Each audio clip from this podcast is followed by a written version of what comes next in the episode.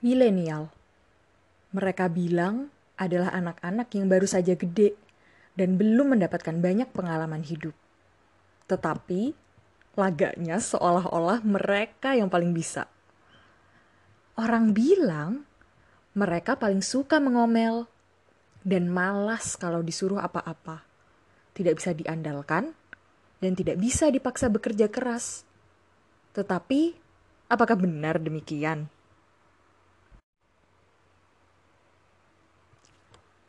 Halo, kembali lagi dengan Dona di sini di Lavanya Podcast.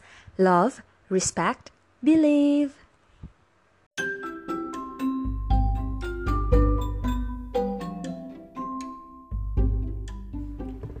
Halo, halo, halo. Apa kabar semuanya? Kuharap di mana pun kalian berada, tetap stay safe, tetap sehat, dan tetap positif karena kita tidak akan bisa melalui masa-masa seperti ini apabila kita tidak berpikiran positif. Jadi please stay safe, stay positive wherever you are. Dan hari ini adalah hari libur, selamat Idul Adha bagi siapa pun yang merayakan. Dan apabila teman-teman lavanya yang mendengar podcast ini memiliki kelebihan daging, boleh banget dibagikan ke teman-teman lain atau tetangganya yang memang membutuhkan asupan daging contohnya seperti anak-anak kos yang tidak bisa pulang kampung tapi rindu rumah tapi mereka tidak bisa pulang dan harus stay di kos jadi please bantu mereka setidaknya ya berbagilah karena berbagi itu indah benar kan iya oke okay.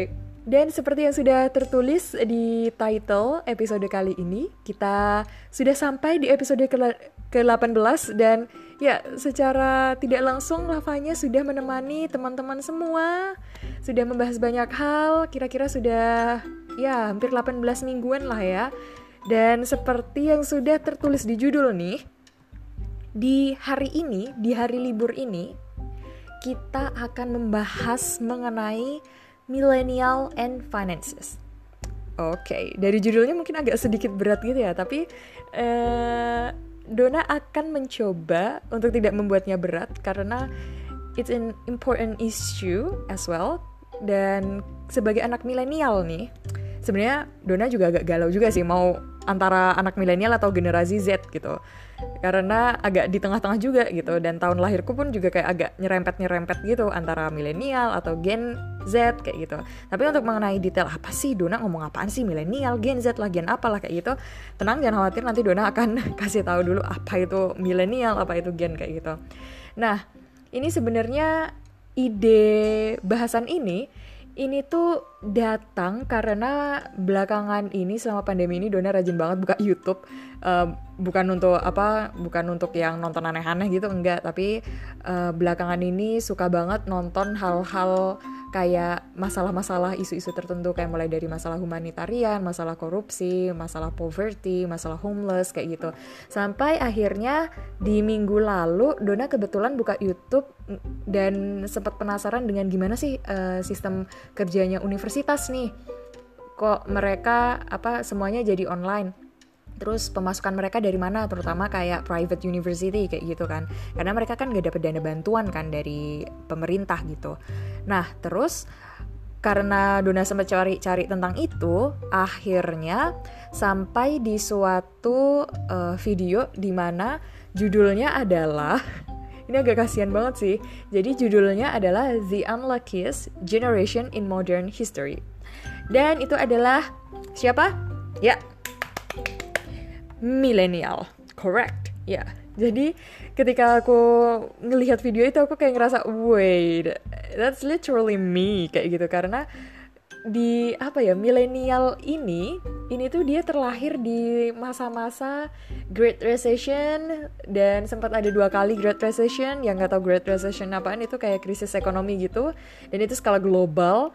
Terus akhirnya juga sekarang ada masa pandemi dan akhirnya ya itu kayak seolah-olah nih milenial uh, entah dosanya di masa lalu apa gitu. Pokoknya ada aja uh, apa uh, masalahnya di masa sekarang kayak gitu. Nah akhirnya setelah ngelihat-ngelihat video tentang Unif itu dan sistem-sistem uh, Unif itu kayak gimana terus habis nonton Unluckiest Generation itu terus akhirnya Dona kepikiran nih waduh bener juga ya. Uh, apa milenial ini sering banget dibanding-bandingin oleh generasi yang tua. Terus kadang-kadang mereka ini sekarang kan di posisi sandwich generation kan jadi mereka kayak merasa kegencat banget lah. Kayak mereka istilahnya napas nggak bisa kayak pengap gitu loh. Kayak ya Allah tekanan dari berbagai macam sisi kayak gitulah. Jadi oleh sebab itu uh, karena Dona penasaran juga dan Dona merasa kayak kayak ini, penting nih untuk semua orang tahu. Maksudnya kayak kalau misalnya kalian milenial, kalian akan jadi lebih tahu kenapa uh, apa namanya kita berada di posisi kayak gini. Maksudnya kita um, bisa disebut sebagai unluckiest generation gitu. Dan untuk pendengar yang mungkin dari generasi Z atau generasi sebelumnya X atau generasi tradisional gitu atau baby boomer kayak gitu, itu nanti ku harap podcast ini bisa semacam mencerahkan um, teman-teman lavanya gitu. Jadi maksudnya biar nggak judgmental ke milenial kayak gitu. Karena kan sebenarnya milenial ini ada stereotipnya sendiri sih. Mulai dari yang apa namanya belakangan ini kayak ketika masa pandemi baru mulai tuh nggak baru mulai juga sih paling sebulanan gitu. Itu kan banyak banget kan kritik ke terhadap uh, apa staff milenialnya presiden kayak gitu dan secara nggak langsung mereka tuh ngekritiknya itu nggak ngekritik staffnya atau kinerjanya tapi mereka akhirnya finally mengkritik bahwa mereka milenial mereka nggak mampu gitu. Padahal nggak semua milenial kan kayak gitu gitu kan. Maksudnya ada beberapa milenial yang memang capable untuk melakukan sesuatu dan mungkin yang lainnya tidak kayak gitu. Jadi tercoreng gitu loh nama milenial yang harusnya ya milenial bisa lah. Maksudnya bisa mengerjakan ini bisa mengerjakan itu. Tapi ada juga yang bisa ada yang juga yang enggak kayak gitu kan Nah, terus milenial ini karena tuntutan-tuntutan yang lain, dia akhirnya kayak ngerasa, aduh gila aku dibanding-bandingin, terus kayak harus ngejar target, ngejar apalah, terus teman yang lain udah ngapa, kita kayak ngerasa jadi yang, oh dia udah ngelakuin ini nih di Instagram, aku harus juga nih ngelakuin ini, entah itu fakta atau enggak gitu kan, tapi orang-orang milenial ini memiliki kecenderungan yang kayak gitu. Jadi um, Dona cuma mau ngasih tahu setelah mendengarkan podcast ini harapannya teman-teman lavanya bisa sadar bahwa it's okay not to achieve something that your parents generation did at your age kayak gitu. Jadi intinya stay on your track aja gitu. Dan Dona mendapatkan sumber-sumber ini ini dari berbagai macam artikel, berbagai macam video, berbagai macam uh, jurnal-jurnal juga gitu. Jadi kalau misalnya teman-teman lavanya nanti mau menambahkan juga, itu juga boleh bisa tinggalin di kolom komentar, kirim email atau bisa simply komen di Instagram gitu sih. Nanti di episode selanjutnya akan dimention juga nama teman-teman. Begitu. Baiklah, jadi without further ado, Dona mau ngasih tahu dulu mengenai pengertian milenial. Karena dari tadi udah ngomongin soal milenial, generasi apa namanya generasi tradisional, baby boomer, X, Y, Z itu apaan gitu. Istilah macam apa itu? Ini bukan matematika men. Nggak ada X, Y, Z gitu nggak ada gitu. Well oke okay, jadi pengertian milenial dulu nih. Jadi generasi milenial ini adalah generasi yang sering juga disebut sebagai generasi Y Nah, jadi urutannya nih, setelah perang dunia ke berapa? Perang dunia ke 1 2 itu itu generasi yang melakukan perang itu itu namanya generasi tradisional. Lalu setelah itu ada generasi baby boomer. Setelah itu ada generasi X dan selanjutnya diikuti generasi Y atau yang dari tadi Dona sebut milenial dan setelah itu generasi Z itu generasi yang paling baru gitu. Kalau misalnya kalian tanya terus generasi selanjutnya ntar disebut apa? Well uh, kita belum sampai situ. Jadi um, mungkin kita harus menunggu generasi itu datang dulu baru nanti mungkin ada istilah tertentu gitu. Nah jadi intinya anyway ini adalah demografinya gitu generasi secara umum gitu. Se di seluruh dunia generasinya tuh terbagi menjadi yang tadi itu tradisional baby boomer X Y atau generasi milenial dan Z Terus tahun lahirnya ini ini tuh uh, setiap apa setiap um, ilmuwan atau peneliti ini ini ngebaginya belum saklek gitu loh. Jadi ada yang bilang kalau generasi milenial ini adalah orang-orang yang lahir dari tahun 1980-an sampai uh, akhir 1999 gitu. terus ada juga yang bilang kalau oh ada juga nih generasi milenial dia lahir dari tahun 90 eh, 1980-an sampai di apa tengah 1990 jadi itu kira-kira 1995an kayak gitu. Nah jadi ini pun juga nggak apa ya nggak saklek gitu loh. Belum fix gitu. Jadi setiap pendapat ahli itu berbeda gitu. Tapi kalau secara umum mungkin Dona akan bilang bahwa lebih baik me, apa mengkategorikan generasi milenial ini dari 1980 sampai 2000-an awal. Karena kalau para ahli itu kan mungkin dia standarnya adalah kayak standar Amerika gitu. Dan pada saat itu teknologi di Amerika mungkin sudah lebih maju. Sedangkan uh, maksudnya kayak anak-anak gitu sudah bisa megang HP yang Nokia gede atau HP apa gede kayak gitulah. Sedangkan di Indonesia mungkin kayak gitu baru masuk beberapa tahun setelahnya gitu. Jadi ya untuk me, apa ya mengantisipasi uh, hal-hal kayak gitu Dona agak sedikit memundurkan apanya tuh tahunnya gitu. Jadi anggaplah milenial ini 1980-an sampai awal 2000-an gitu Nah, terus setiap generasi ini ini tuh punya karakteristiknya tersendiri gitu. Jadi uh, contohnya adalah generasi tradisional yang dia mengikuti perang dunia kayak gitu. Nah, generasi ini ini stereotipnya dan emang faktanya mereka terkenal dengan generasi yang pekerja keras dan mereka sangat menghargai respect banget. Jadi that's why kalau kita masih memiliki generasi tradisional di keluarga kita, mereka akan cenderung sangat beda banget dengan kita. Jadi mereka sangat cenderung untuk um, apa ya istilahnya minta respect kayak gitu. Tapi minta respect ini bukan dalam artian negatif ya, dalam artian yang kayak gimana ya kayak uh, oh saya ini lebih tua dari anda jadi seharusnya uh, anda ini bertanya kepada saya mengenai uh, permasalahan ini karena saya dulu ketika perang dunia saya meng, meng apa melakukan uh, hal ini. Jadi saya lebih tahu secara fakta kayak gitu. Jadi intinya respect yang kayak gitu bukan respect yang kayak gila hormat kayak gitu enggak gitu loh. Nah terus selanjutnya generasi selanjutnya ini baby boomer. Ini baby boomer ini stereotipnya adalah generasi yang memperbagus ekonomi negara kayak gitu. Jadi setelah perang dunia nih, kan istilahnya bahasa agak kasar nggak kasar juga sih. Jadi istilahnya bahasanya kayak semacam uh, ancur-ancuran banget gitu kan. Dunia semuanya setiap negara ancur-ancuran banget gitu. Semua ekonomi jatuh semua politik jatuh kayak gitu. Even untuk negara yang istilahnya negara yang menang gitu kan mereka juga mengalami kendala finansial segala macam kayak gitu Nah, di generasi baby boomer, anak-anaknya dari generasi tradisional ini, mereka memperbagus ekonomi dengan berbagai cara. Mulai dari mereka apa namanya, uh, mulai dari mereka buka-buka um, apa namanya, kayak buka-buka perusahaan kecil-kecilan, buka toko kayak gitu. Terus mereka juga mulai memperbanyak keturunan gitu, karena pada saat itu kan pada perang dunia banyak orang-orang yang meninggal gitu kan. Mereka akhirnya berpikir oh harus memperbanyak anak juga gitu. Karena ya itu maksudnya udah banyak kehilangan orang terus akhirnya ya istilahnya kayak apa ya kayak habis nambal lu eh, bukan nambal habis gali lubang itu ditambal lagi kayak gitulah. Idenya kayak gitu. Terus di generasi baby boomer ini orang-orangnya juga memperbagus ekonominya dengan cara dari ekonomi, sosial, budaya dan juga politik gitu. Jadi sudah banyak orang-orang yang mulai terjun ke dunia-dunia politik yang kayak berusaha untuk ya politik harus lebih bagus lagi kayak gitu. Karena mereka sadar betul bahwa uh, perang dunia ini mungkin tidak terjadi kalau politiknya bagus kayak gitulah. Nah, terus selanjutnya habis dari baby boomer ini ada generasi X kayak gitu.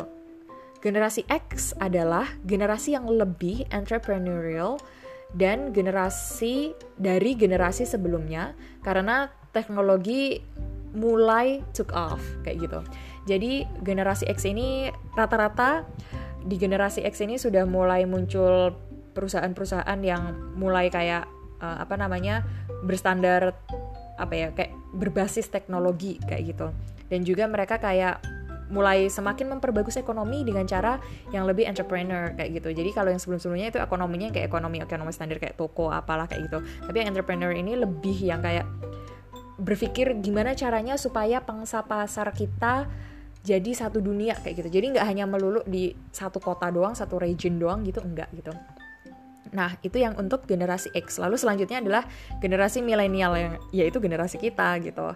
Dan generasi Y milenial ini ini adalah generasi yang dilahirkan pada saat teknologi sudah ada kayak gitu. Jadi istilahnya kayak kita tinggal nyemplung aja, ya udah itu teknologi gitu. Kayak gitu. Nah, oleh karena itu kita istilahnya kayak adanya teknologi ini membuat kayak jurang pemisah di antara generasi-generasi sebelumnya dengan generasi kita kayak gitu. Akhirnya para milenial ini itu mendapatkan stereotype semacam selfish, entitled, narcissistic, addicted to their phones, lazy, impatient, impulsive, overly sensitive, weak-willed, dan ya listnya bisa always go on and on and on kayak gitu. Ya ini tapi secara umum stereotipnya ini bisa dikatakan sedikit buruk kayak gitu. Mungkin ya mungkin orang yang dari generasi sebelumnya berpikir bahwa oh si anak ini nih nggak nggak capable kayaknya. Karena dulu kami pada saat sekolah kami harus menempuh jarak berkilo-kilo terus anak yang milenial ini hanya menempuh jarak segini tapi bangunnya lelet terus nggak apa namanya nggak apa nggak niat untuk sekolah atau nggak ya semacam itulah intinya kayak males lelet terus nggak niat sekolah nggak datang tepat waktu apalah kayak gitu maksudnya stereotipnya jadi jelek kayak gitu padahal mungkin kan hanya segelintir orang doang kan kayak gitu Terus permasalahan lain selain dari tadi yang stereotype itu ada juga tuntutan-tuntutan kayak gitu. Tadi Dona sempat mention sandwich generation kan. Jadi uh, teman-teman lavanya di sini bisa bayangin sandwich gitu kan. Jadi ada dua roti gitu. Terus tengahnya diisi daging, salad, telur, apalah kayak gitu. Nah, kalau misalnya teman-teman di universitas ada program sandwich program gitu, itu artinya kayak oh pertama mulai di universitas A, terus nanti selanjutnya di semester keberapa mungkin pergi ke universitas lain untuk melakukan survei, riset, apalah itu sebutkan kayak gitulah. Terus akhirnya nanti di in the end of the semester kalian balik lagi ke univ awal kalian untuk mempresentasikan kayak gitu. Nah, konsep kayak gitu itu maksudnya sandwich kayak gitu.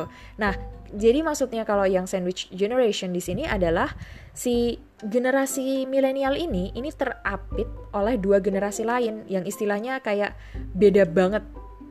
Bedanya tuh sangat beda jurangnya gitu. Jadi kita kayak berada di tengah-tengahnya kayak jadi jembatannya gitu loh jadi di generasi sebelumnya itu kan sama sekali teknologi itu bukanlah hal yang penting gitu. Sedangkan kalau untuk generasi yang Z, teknologi itu semacam uh, belahan jiwa kayak gitulah.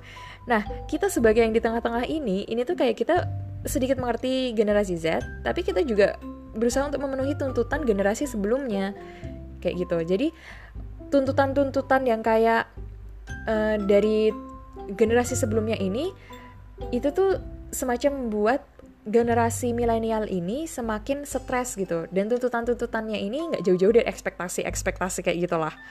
Jadi um, contohnya kayak orang-orang yang generasi X kayak gitu kan. Mereka menciptakan teknologi ini dipakai sebagai tool kayak gitu. Sedangkan untuk generasi milenial yang lahir pada saat uh, teknologi ini sudah ada itu menganggap bahwa teknologi ini adalah bagian hidup kayak gitu. Mungkin seperti uh, apa kayak anggapannya seperti it's like it's like wearing a clothes kayak gitulah. Atau mungkin ini kayak pakai sepatu atau pakai apa kayak gitu. Dan untuk generasi Z mungkin itu udah jadi belahan jiwa atau gimana gitulah. Nah yang ekspektasi kayak gini itu mereka tuh generasi yang tua itu kayak oh kamu tuh harusnya memakai ini untuk tool. Jangan kamu kayak jadi diperbudak oleh teknologi kayak gitu. Sedangkan ya itu tadi kasusnya kan beda. Dari lahir pun itu juga beda kayak gitu. Terus ekspektasi yang lain misalnya kayak orang tua ini uh, bilang bahwa oh nak bapak dulu beli rumah di umur segini. Kamu umur segini belum beli rumah. Atau kamu umur segini belum punya gaji segini. Atau kamu umur segini belum nikah. Kamu umur segini belum punya anak kayak gitulah. Atau mungkin bukan bapak ibu lah mungkin tante atau siapa kayak gitulah. Jadi ekspektasi-ekspektasi kayak gini ini ini yang bisa membuat uh, generasi milenial ini makin kayak kesal dengan kehidupan gitu. Nah terus um, yang lainnya nih uh, apa masalah seputar milenial yang lain ini adalah pekerjaan. Ini waktu Dona riset-riset mengenai pekerjaan ini mulai dari lihat-lihat sources media kayak uh, apa kayak ABC dari NBC uh, atau dari yang apa namanya media-media lain kayak gitu ini tuh agak polemik juga sih pekerjaan. Jadi tuh banyak milenial itu tuh yang tidak mendapatkan pekerjaan yang diinginkan meskipun sudah berkuliah segala macam. Dan diinginkan yang di sini ini, tuh bukan yang diinginkan yang kayak mungkin nanti ada orang yang kayak merasa bahwa lah kerja kan emang nggak selalu yang diinginkan yang penting kan kalau ada pekerjaan ya udah daftar aja kayak gitu. Nah Iya benar kayak gitu sebenarnya. Cuma yang mau aku tekankan di sini adalah milenial yang aku maksud di sini adalah milenial yang sudah sampai ke taraf lulus universitas dari universitas yang kece kayak gitu. Tapi mereka akhirnya daftar kayak jadi supir bis atau daftar jadi uh, apa kayak part time di semacam supermarket kayak gitu. Sedangkan yang pekerjaan-pekerjaan kayak gitu itu sebenarnya diperuntukkan untuk teman-teman kita yang lain yang istilahnya baru lulus SMA kayak gitu. Maksudnya itu jadi kasihan ke teman-teman yang lain yang mereka memang standar kayak gitu kan biasanya kayak standar oh lulus SMA atau lulus apa kayak gitu kan terus akhirnya tiba-tiba ada anak lulusan sarjana karena dia sudah nggak dapat lapangan pekerjaan lain yang sesuai dengan uh, passionnya dia atau sesuai dengan um, kemampuannya dia di bidang di suatu bidang yang dulu dia pelajari gitu akhirnya dia coba apa pun gitu. Jadi akhirnya dia melahap pekerjaan untuk orang lain yang diperuntukkan untuk orang lain gitu. Jadi akhirnya semakin banyak juga orang yang menganggur kayak gitu. Jadi itu nggak apple to apple kayak gitu tuh loh. Dan juga uh, milenial ini kasiannya karena mereka kayak udah lulus sarjana terus mereka daftar ke pekerjaan-pekerjaan yang memang diperuntukkan untuk yang teman-teman kita lulus SMA atau apa gitu. Akhirnya karena mereka sudah mulai berkecimpung di situ untuk keluar dari situ untuk mendapatkan pekerjaan lain itu tuh agak ribet gitu. Karena kan memang biasanya pekerjaan gitu kan itu kan akan mempertanyakan kamu uh, lulus dari mana? Terus selama ini kamu bekerja di mana? Terus kenapa kamu sekarang mau ngelamar ini? Kan ini beda banget pekerjaannya. Kayak jadi agak sedikit susah untuk keluar dari zona itu gitu. Dan banyak juga nih, ini yang sedikit buruknya, banyak yang kayak apa entry entry level gitu. Itu tuh mereka meminta orang-orang untuk at least sudah bekerja dengan lima tahun pengalaman atau 20 atau dua tahun pengalaman kayak gitu. Padahal logikanya um, di awal ada kayak oh fresh graduate boleh untuk apply kayak gitu. Tapi setelah itu ada um, dicari atau lebih prefer orang-orang yang sudah memiliki pengalaman kerja lima tahun atau tiga tahun kayak gitulah. Logikanya kan kayak kontra banget kan kayak gitu. Jadi itu adalah permasalahan milenial seperti itu. Karena mungkin generasi sebelumnya berpikir bahwa ah dengan adanya teknologi kan sebenarnya mereka waktu di universitas sudah harus bisa magang-magang, udah harus bisa apa kayak gitu kan. Cuma mungkin setiap univ kan beda kan kulturnya. Mungkin di univ ini mereka tidak menerapkan kultur yang harus mengharuskan untuk magang, tapi di univ lain mungkin diharuskan untuk magang kayak gitu. Jadi beda lah univnya kayak gitu. Nah, itu beberapa contoh permasalahan seputar milenial gitu. Terus tadi Dona juga sempat mention mengenai unluckiest generation gitu. Kenapa gitu?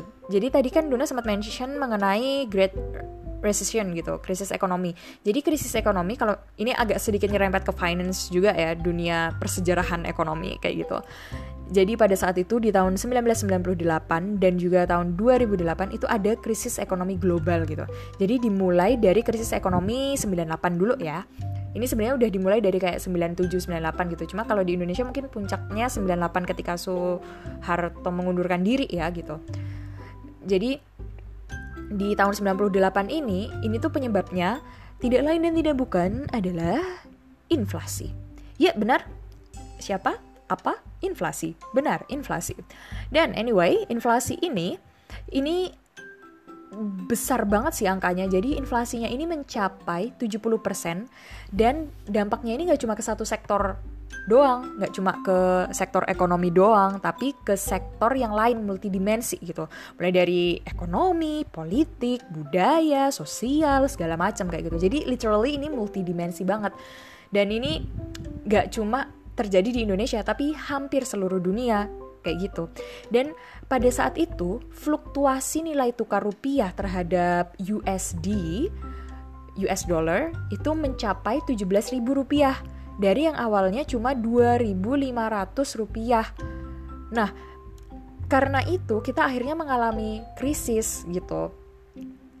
Dan pada saat itu kan emang patokannya uh, setelah World War II itu kan patokannya mengenai ekonomi segala macam kan kita kiblatnya emang selalu Amerika gitu kan. Um, jadi mata uangnya selalu di apa namanya uh, apa sih uh, istilahnya kayak semacam pegangannya itu adalah USD gitu. Jadi kalau istilahnya USD udah hancur nih, kita ikutan hancur juga kayak gitu.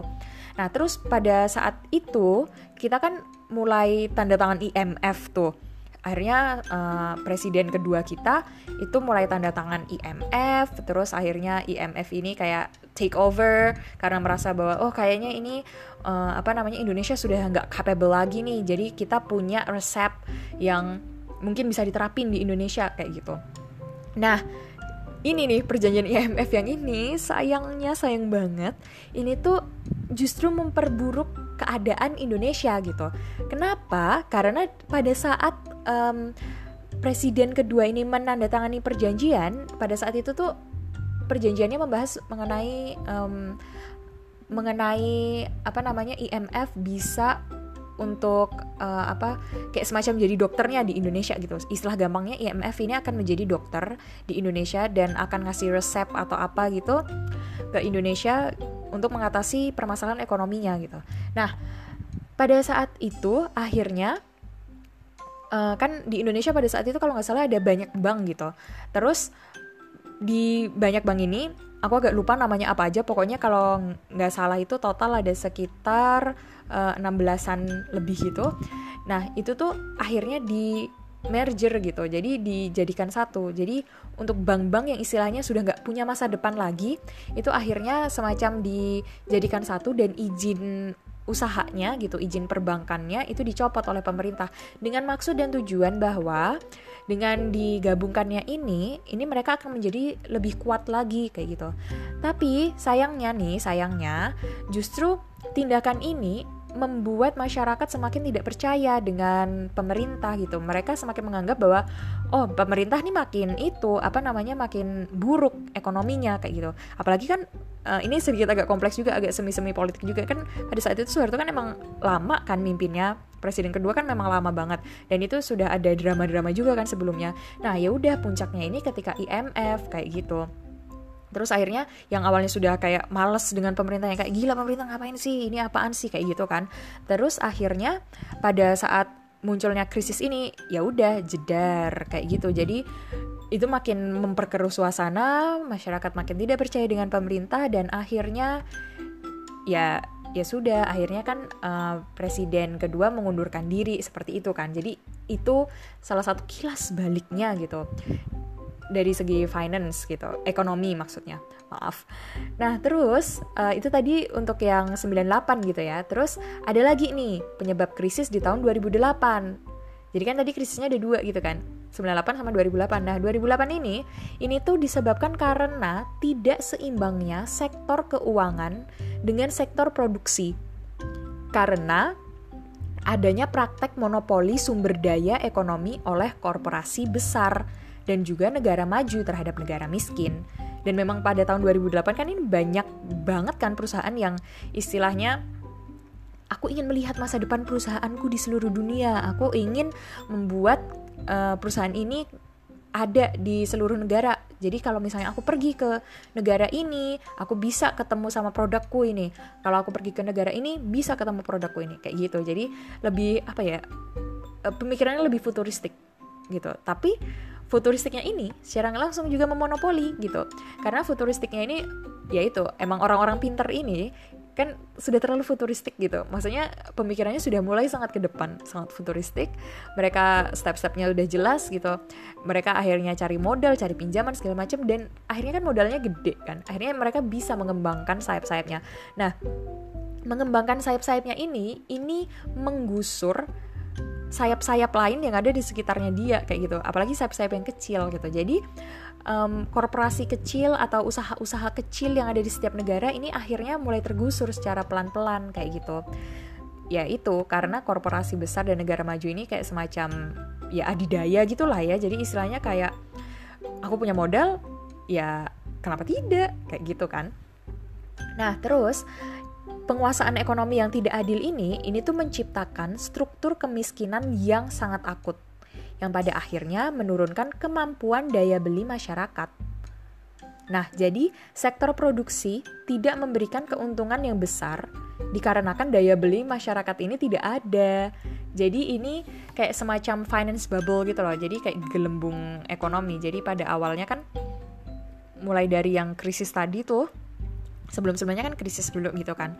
Terus akhirnya uh, apa sektor ke apa sektor keuangannya ini itu tidak seiring dengan jalannya sektor produksi terus ya you know lah jadi kayak ada satu apa bukan kurva satu garis lurus gitu terus tiba-tiba satu garis yang lain itu semakin tinggi kayak gitu. Nah itu kan istilahnya kayak agak kayak gelembung gitu loh.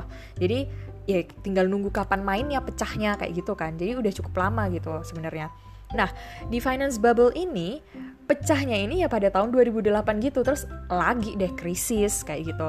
Dan pada saat ini kan um, apa maksud maksudku pada saat itu gitu itu kan udah banyak orang-orang yang apa kayak semacam mulai investasi segala macam mulai uh, apa namanya menyimpan uang di berbagai aset kayak gitu jadi mereka banyak juga yang kayak beli-beli rumah segala macem kayak gitu. Nah dengan beli-belinya rumah mereka ini, ini tuh juga membuat harga tanah di sekitarnya menjadi naik juga gitu. Jadi secara nggak langsung di pada saat itu juga, itu tuh juga harga-harga tanah di kota semakin tinggi. Akhirnya banyak orang-orang yang nggak bisa beli rumah di sekitar situ, meskipun mereka sebenarnya regionalnya dari sana gitu. Tapi banyak yang orang-orang yang bekerja dari mana? Dari korporasi besar itu kan akhirnya punya banyak uang karena pemasukan mereka nggak cuma dari negara di negara yang perusahaannya tempati gitu. Tapi kan dari negara-negara lain juga yang perusahaannya itu tempati gitu jadi contohnya kayak perusahaan A, dia ada di Amerika, Eropa, ada di uh, Australia, Asia kayak gitu. Jadi kan secara nggak langsung uang yang masuk pun itu dari berbagai negara gitu kan. Dan direkturnya atau CEO-nya akhirnya punya duit banyak dan dia beli banyak rumah kayak gitu. Nah, dengan belinya banyak rumah ini, tanah-tanah di sekitar yang itu tuh jadi ikutan naik juga kayak gitu. Jadi ya itu menyebabkan orang yang memang istilahnya regional sana dibandingkan CEO-nya ini menjadi jauh lebih miskin gitu. Mungkin CEO-nya dia orang uh, mungkin dia orang uh, mana orang um, Washington gitu. Terus dia beli tanah di California, di pinggirannya California dibeli semua kayak gitu kan. Jadi ya itu kasihannya di situ. Akhirnya orang-orang yang California ini akhirnya nggak bisa beli rumah atau gimana gitu. Padahal memang mereka aslinya orang California kayak gitu kan. Oke, okay, lalu um, Kenapa Dona menggebu-gebu banget nih bahas finance? Well, ini karena secara tidak langsung dan tidak bisa dipungkiri bahwa finance ini memiliki apa ya, memiliki andil yang sangat besar gitu terhadap kehidupan manusia. Meskipun ada yang bilang ah money is not ever, uh, money is not everything for me kayak gitu. Well, hold on karena dengan uang ini kamu bisa membeli banyak hal gitu. Coba deh kita sebenarnya bisa loh membeli kebahagiaan dengan uang. Contohnya, misalnya Dona bahagia dengan cara ngebantuin orang atau mentraktir teman-teman Dona makan gitu. Nah, untuk ngeraktir atau untuk sembako atau donasi kayak gitu kan butuh uang kan ya. Jadi untuk mencapai tahap aku bahagia mentraktir orang, aku bisa bahagia kalau aku donasi, ya berarti itu butuh uang kayak gitu. Atau gini, aku merasa bahagia kalau misalnya aku bisa mendapatkan pendidikan yang bagus lah tunggu pendidikan yang bagus gimana caranya kalau nggak pakai uang? Kayak gitu kan. Jadi well uang is everything kayak gitu. Jadi apa ya istilahnya kayak uh, you're not using the money to be the source of your happiness, but you're using it to buy something that make you happy or to help you achieve everything that make you happy. Kayak gitu in general kayak gitu ya. Jadi fungsi uang yang mau Dona uh, apa namanya tekankan di sini gitu. Jadi maksudnya bukan uang is everything itu enggak tapi uang is something that uh, help you to achieve everything you want kayak gitu. Tapi in a good way ya bukan yang kayak beli drugs beli apa kayak gitu enggak gitu. Oke. Okay. nah terus anyway um, finance di zaman milenial ini seperti yang tadi Dona bilang tadi sudah sempat ngasih contoh-contoh juga kan itu tuh um, banyak orang-orang yang memang dari korporasi, korporasi besar dan mereka kan pikirannya sangat maju ke depan banget berbeda dengan orang-orang yang biasa gitu. Itu mereka beli banyak rumah terus akhirnya uh, harga rumah di situ naik kayak gitu. Terus akhirnya nggak affordable lagi rumahnya kayak gitu. Dan juga kenaikan harga rumah ini herannya nih ya. Dalam waktu satu tahun atau berapa tahun itu bisa berkali-kali lipat. Sedangkan UMR rata-rata di setiap regional di setiap provinsi yang ada di seluruh dunia kayak gitu rata-ratanya itu naiknya kayak cuma sekian persen sekian persen sekian persen kayak gitu. Jadi maksudnya nggak sebanyak itu gitu loh. Jadi ini semakin membuat para milenial ini nggak bisa punya rumah dan mereka akan terus menerus ada di jurang utang kayak gitu. Jadi kalau misalnya teman-teman tahu nih, um, contohnya kayak di Amerika nih. Di Amerika itu orang kalau mau mendapatkan pekerjaan yang bagus, mereka harus punya latar pendidikan yang bagus juga gitu. Latar pendidikan yang bagus ini bisa ditempuh melalui universitas. Dan ada berbagai macam universitas sebenarnya di Amerika. Mungkin lain kali kita bisa bahas itu sih. Nah, berbagai macam universitasnya ini intinya tuh kalau mau masuk yang bagus harganya mahal gitu lah terus nggak semua orang kan punya uang. Dan kalau misalnya teman-teman sempat uh, apa kayak jadi scholarship hunter gitu pasti tau lah kalau harga univ di Amerika itu even though yang paling murah it's not really that cheap gitu. Even for uh, orang-orang Amerika kayak gitu jadi itu sangat gila-gilaan banget. Sampai akhirnya ada itu apa namanya ada program kayak uh, student debt. Jadi kayak pinjaman untuk um, murid kayak gitu pinjaman untuk mahasiswa. Jadi mereka bisa pinjam itu terus akhirnya mereka bisa menggunakan itu untuk kuliah. Lalu setelah selesai kuliah mereka kalau masuk kerja itu nanti mereka harus bayar itu. Dan rata-rata bayarnya ini ini tuh gila banyak banget. Maksudnya kayak mereka bisa nyicil tapi waktu nyicilnya tuh banyak banget. Kayak 10 tahun berapa puluh tahun kayak gitu. Dan mungkin yang paling bentar paling kayak lima tahun. Itu pun kayak jarang gitu loh.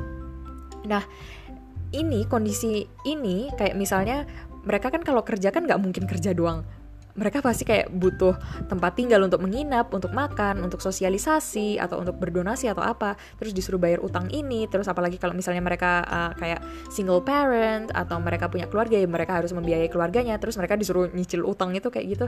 Itu tuh akhirnya membuat para milenial ini berada di zona mereka harus bekerja bahkan untuk retire aja itu mereka harus menunda retire kayak gitu jadi mereka kayak nggak bisa apa ya nggak bisa um, pensiun gitu loh.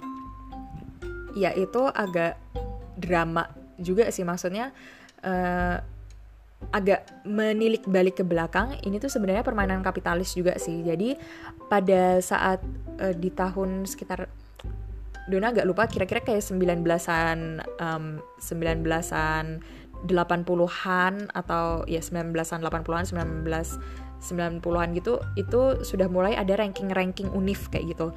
Jadi pada saat itu majalah kayak semacam majalah Time, majalah apa gitu, mereka membuat ranking univ dan itu semakin membuat gap yang besar antara satu univ dan univ lain dan orang-orang kan memiliki kecenderungan memiliki ego untuk menjadi kompetitif. Terus akhirnya ketika mereka melihat itu mereka kayak oke, okay, nggak peduli apa pun yang terjadi, aku akan mencoba masuk ke univ itu kayak gitu Terus akhirnya mereka ya akan melakukan cara apa pun untuk dapat univ itu, entah dengan pinjaman dengan apa gitu. Yang akhirnya kalau misalnya mereka pakai pinjaman ya ya itu tadi gitu. Mereka harus istilahnya kayak ngebayar itu sampai mati kayak gitulah. Terus um, waktu kemarin riset-riset juga Dona sempat menemukan bahwa sebenarnya hal ini tuh bisa diatasin gitu. Finance ini masalah finance dari uh, segala aspek ini bisa diatasi kalau pemerintah pun juga turun tangan. Jadi contoh yang tadi ya kalau di Amerika ada student debt terus kalau di negara lain mungkin ada uh, apa permasalahan yang lain gitu. Contoh lain yang bagus nih ini ada di Swiss. Jadi di Swiss ini bagusnya mereka adalah harga tanah atau harga uh, sewa bangunan di suatu lokasi itu cenderung akan sama dari tahun ke tahun gitu. Jadi kayak misalnya kamu punya properti di Swiss di lokasi ini dari tahun 2000 awal gitu. Sampai sekarang harganya paling naik kayak cuma berapa doang gitu.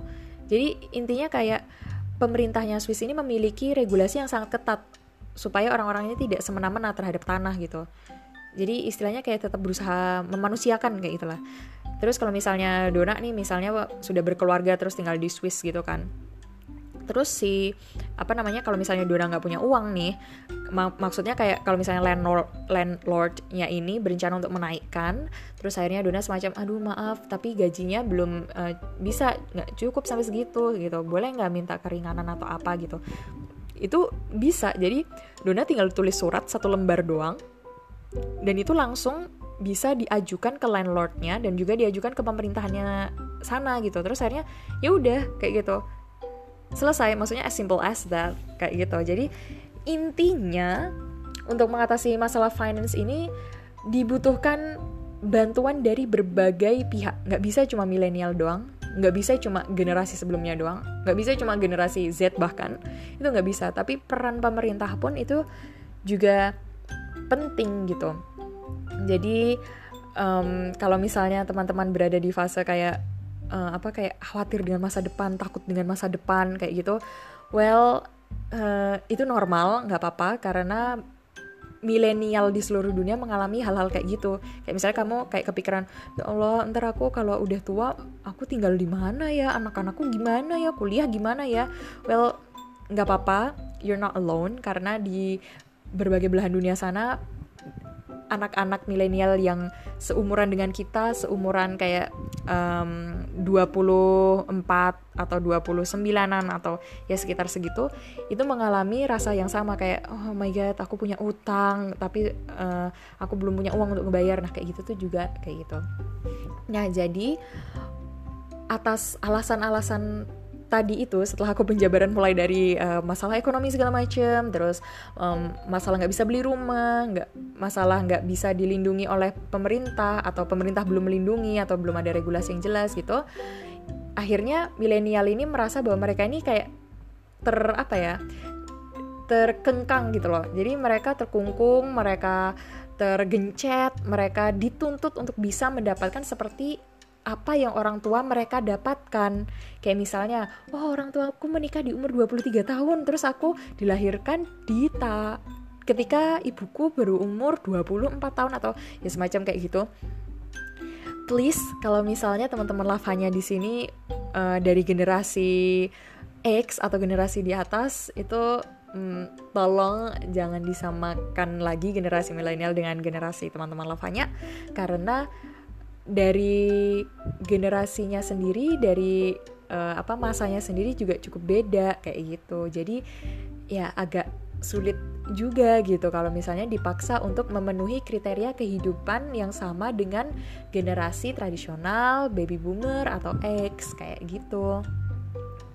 Nah, terus uh, milenial ini juga kasihannya gini juga mereka akan sering mendapatkan burnout karena uh, generasi milenial ini memiliki kecenderungan untuk kerja keras tapi kerja keras yang istilahnya lupa diri kayak gitu. Karena mereka yaitu patokannya adalah memenuhi ekspektasi orang yang di atasnya dan juga di zaman teknologi ini kan orang kadang suka pamer gitu kan di sosial media kayak work hard till you die kayak gitu. Dan uh, apa even untuk orang apa orang kaya zaman sekarang mereka kaya tapi mereka juga berusaha gitu. Dan akhirnya ya logikanya mereka nggak berusaha aja mereka kaya. Apalagi mereka berusaha gitu. Mereka makin tambah kaya. Dan itu banyak kan hashtag hashtag kayak gitu yang kayak uh, work hard till you die. Tapi actually mereka sudah terlahir dengan sendok emas kayak gitu. Terus mereka semakin bekerja keras ya terus akhirnya mereka makin maju kayak gitu. Dan itu akhirnya membuat orang lain tuh kayak semacam oh my god dia bisa tapi aku nggak bisa. Terus akhirnya mereka yang kayak berusaha untuk oke okay, aku akan push myself I'm gonna force myself to do something like him atau her supaya bisa beli mobil atau bisa beli rumah mewah kayak Kylie atau kayak ya kayak semacam itu gitulah jadi uh, ini membuat generasi milenial ini menjadi sangat-sangat rentan jiwanya kayak gitu. Tapi bagusnya dari milenial nih, jiwa sosialnya milenial ini rata-rata cukup tinggi gitu. Jadi mereka akan apa ya, memiliki kecenderungan untuk memahami orang-orang di sekitarnya gitu. Jadi mungkin kalau dibandingkan generasi ke generasi sebelumnya, itu kan generasi milenial kecenderungannya buat apa ya demo-demo yang sosial gitu kayak misalnya oh woman empowerment oh apa namanya LGBTQ atau oh atau apa kayak gitu atau uh, all lives apa matter atau black lives matter kayak gitu. Jadi ya itu salah satu bagusnya dari milenial. Begitu. Nah dan um, Dona juga mau ngasih tahu juga kalau please kalau misalnya kalian milenial aku harap kalian memegang apa namanya memegang poin-poin yang akan aku sebutin sebutin ini. Jadi yang pertama aku harap kalian bisa percaya bahwa kalian ini memiliki track kalian sendiri gitu. Jadi nggak usah ngebut-ngebut nggak apa-apa, nggak usah terlalu pelan nggak apa-apa. Pokoknya kalau kalian merasa nyaman dengan cara jalan kalian, lanjutkan saja karena itu adalah pace kalian berarti dan jangan terlalu ngeforsir you don't want to burn out yourself gitu dan yang kedua mohon kalian jangan membanding-bandingkan diri kalian sendiri dengan orang tua atau teman-teman kalian gitu. Honestly ini susah sih karena mungkin ada tipe-tipe orang yang suka apa ya overthinking gitu. Contohnya mungkin kayak Dona gitu kan. Dona kayak selalu bandingin gila, mamaku umur segini udah bisa beli emas sekian, mamaku umur segini udah bisa beli uh, apa gitu. Sedangkan Dona di umur segini kok masih gini-gini aja hidup kayak gitu kan. Itu emang butuh waktu gitu. Tapi at least we try gitu. Dan yang ketiga adalah tetaplah berusaha dan menjadi diri sendiri. Jangan hanya karena kalian melihat teman kalian bisa membeli Porsche, apa mobil mobil Porsche, Porsche, Porsche ya anyway itu mobil yang mahal itu Ferrari atau apa pun itu. Terus kalian jadi ngerasa bahwa oke okay, that's also my goal. I'm gonna buy that car atau aku akan uh, beli rumah itu gitu. Aku akan menjadi the next Kylie Jenner but uh, aku akan menjadi in, apa Kylie Jenner yang Indonesian version kayak gitu atau apa kayak gitu. Well nggak usah nggak usah kayak gitu karena you're the only one gitu. Kalian satu dari sekian juta orang gitu jadi be unique. Dan unik itu bagus gitu loh. Jadi as long as itu bagus as long as itu in a good way ya tapi kalau misalnya kalau uh, apa namanya unique in a bad way itu no no no no jangan itu malah bakal complicate yourself lebih gitu terus yang terakhir nih poin yang aku harap kalian bisa pegang adalah jaga work life balance kalian supaya kalian tidak burn out. Jadi kalian kasih batasan kerja sampai mana, party sampai mana, socialize sampai mana, ngerjain tugas sampai mana, kayak gitu. Karena dengan begitu kalian lebih bisa untuk memahami diri kalian sendiri kayak gitu. Jadi, well, ya yeah, itu adalah beberapa cara untuk uh, menjadi milenial yang bahagia gitu. Oke, okay, well, wow. Hari ini kita cukup belajar banyak juga ya mengenai finance gitu.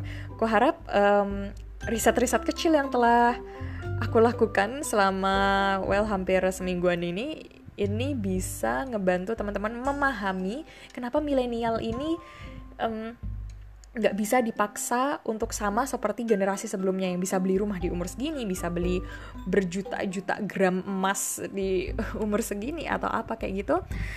Well, ya aku harap teman-teman lavanya mengerti kayak gitu. Dan juga sebelum aku closing, aku mau semacam kasih summary dulu. Jadi intinya setiap generasi itu berbeda. Dan apabila teman-teman lavanya di sini adalah generasi milenial, generasi Y, kalian tidak seharusnya merasa bahwa kalian lebih rendah dari generasi-generasi sebelumnya. Atau kalian tidak seharusnya merasa kalian lebih pintar dari generasi sebelumnya. Kalian adalah generasi kalian sendiri. Kalian tidak bisa dibanding-bandingkan dengan yang lain. Setiap generasi memiliki ceritanya masing-masing. Generasi tradisional mereka bisa jadi pekerja keras karena memang pada saat itu dituntut untuk menjadi pekerja keras. Mereka harus angkat senjata, mereka harus angkat pedang, lalu angkat belati, angkat bambu runcing dan yang lain-lain karena mereka memang melawan penjajah. Dan generasi setelahnya pun juga mereka pekerja keras karena mereka memang me berusaha untuk memperbaiki ekonomi negara gitu. Sedangkan generasi kita, kita berada di, suatu, di situasi yang juga berbeda. Dan artinya kita tidak bisa disamakan dengan, oh kamu harus pegang pedang, kamu harus pegang bambu runcing, kamu harus punya uh, apa perusahaan untuk membangun ekonomi negara, entah apa pun itu, kayak gitu. Nah itu nggak bisa, karena itu tadi itu istilahnya kayak udah destiny kita lahir di saat ini gitu lahir di saat tiba-tiba kita brojol eh udah ada krisis ekonomi dua kali lagi. Terus eh tiba-tiba udah apa udah banyak demo-demo.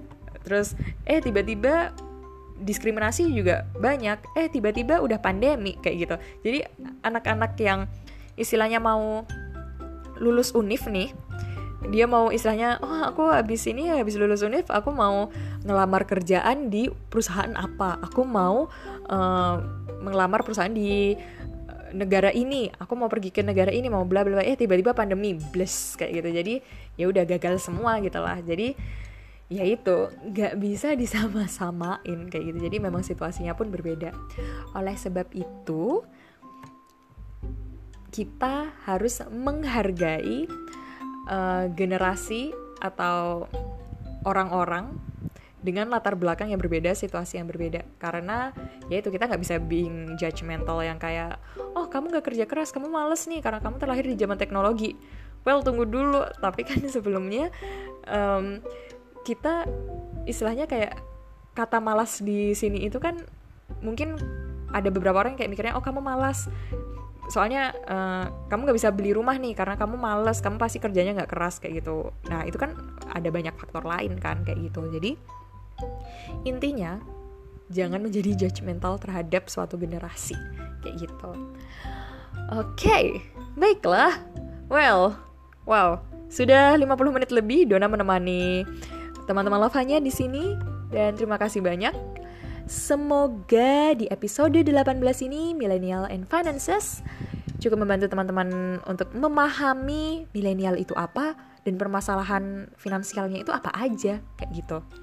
Dan semoga bisa membantu generasi-generasi yang lain atau generasi milenial untuk tetap menghargai generasi yang lainnya begitu dan tidak menjadi judgmental kayak gitu. Dan kalau misalnya setelah teman-teman mendengarkan podcast ini lalu merasa bahwa oh Dona kayaknya bagus deh kalau misalnya kamu kasih poin-poin ini juga mungkin uh, dari poin politiknya atau dari poin historinya atau dari poin apanya kayak gitu boleh banget teman-teman lavanya meninggalkan komentar di Instagram at lavanya.podcast atau via email di lavanya.podcast at gmail.com atau mungkin teman-teman gak mau ngomentarin tentang episode ini tapi teman-teman mau ngide nih tentang kayaknya asik nih kita ngebahas tentang apa? Tentang dimensi kelima kayak gitu. Atau kayaknya asik nih kita bahas tentang matematika yang ada di universe itu apa aja. Well silahkan tinggalkan apa pun nanti uh, Dona dan tim akan ngegodok bareng dan kita akan ngedeliver itu di episode-episode selanjutnya. Jadi stay tune dan stay safe wherever you are.